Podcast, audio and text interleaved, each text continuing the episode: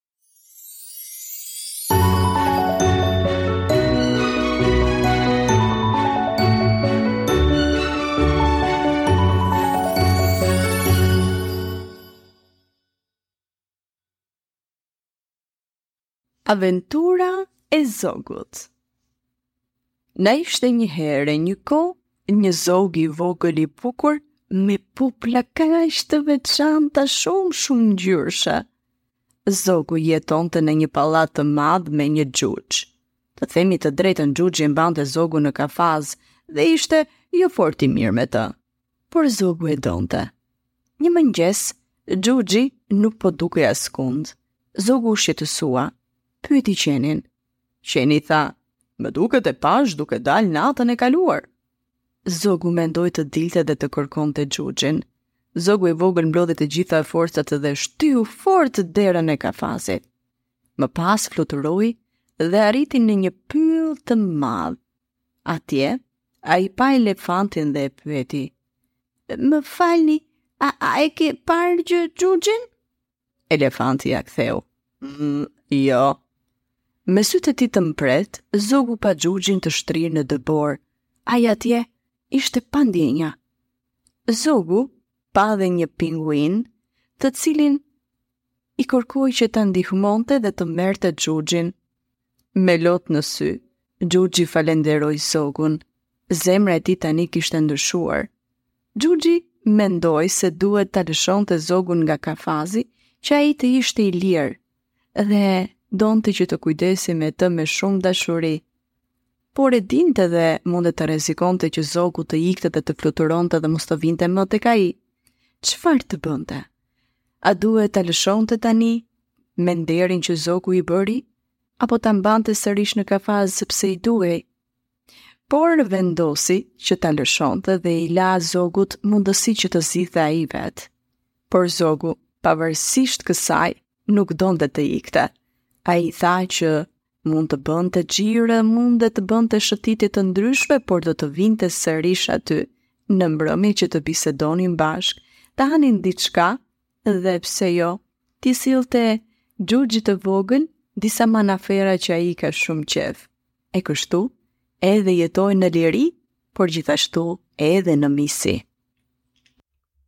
Në kërkim të zarfit, Na ishte njëherë Megi një vajzë e vogël, por me një botë shumë kreative. Një ditë ajo mendoi t'i shkruante një letër shoqes së saj Natali. E donte shumë Natalin dhe vlerësonte shumë shoqërinë me të. Por tani Natali prej disa kohësh ishte larguar jashtë qytetit në një tjetër qytet bashkë me prindërit e saj sepse babi i Natalisë do të kishte një punë të re.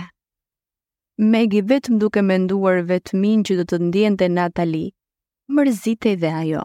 Kështu, ajo filloi të shkruante këtë letër, e derisa e mbaroi, mendoi që ta zbukuronte jo vetëm letrën, por gjithashtu dhe zarfin ku vendosi këtë letër.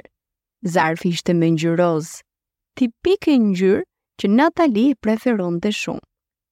Befas, një shpërthim i erës nga dritarja, e hodhi zarfin dhe e çoi, fiu, tutje. O, e shkreta Megi ishte tashmë e pafuqishme sepse Megi iku nga dritarja dhe u zhduk. Ajo doli nga shtëpia dhe nxitoi për te shoqja e saj që e ka afër shtëpisë së vet. O Xhina, a ke parë ndonjë zarf, zarf me ngjyrë rozë është zarfi im? Fliste Megi duke qarë. E jo, isha e zënë duke ushqyer peshqit në akuarium, iu përgjigj Xhina.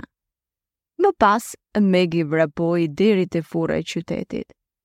A ka parë ndonjë nga ju ndonjë zarf me ngjyrë rozë? e thirri ajo. A është një zarf me lule në ngjyrë rozë me një aromë shumë të mirë? Pyeti një person i veshur me uniformë të kaltër. Po, po, po, e zarfi im është, tha Megi e entuziazmuar. Po ju kush jeni? Pyeti ajo me kureshtje. Burri me uniformë të kaltër i tha. Unë jam postieri që mbledh letrat tuaja Ja këtu në çantën time. Dhe këtu është edhe zarfi juaj zonjushë. Zarfi që binte shumë në sy. E pashë atëherë që m'a solli pothuajse në duart e mia.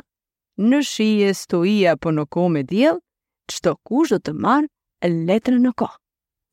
Të zhubravitura janë disa, e disa të pista, disa romantike, por sidoqoftë që të jenë, letrat tuaja dorëzohen nga unë.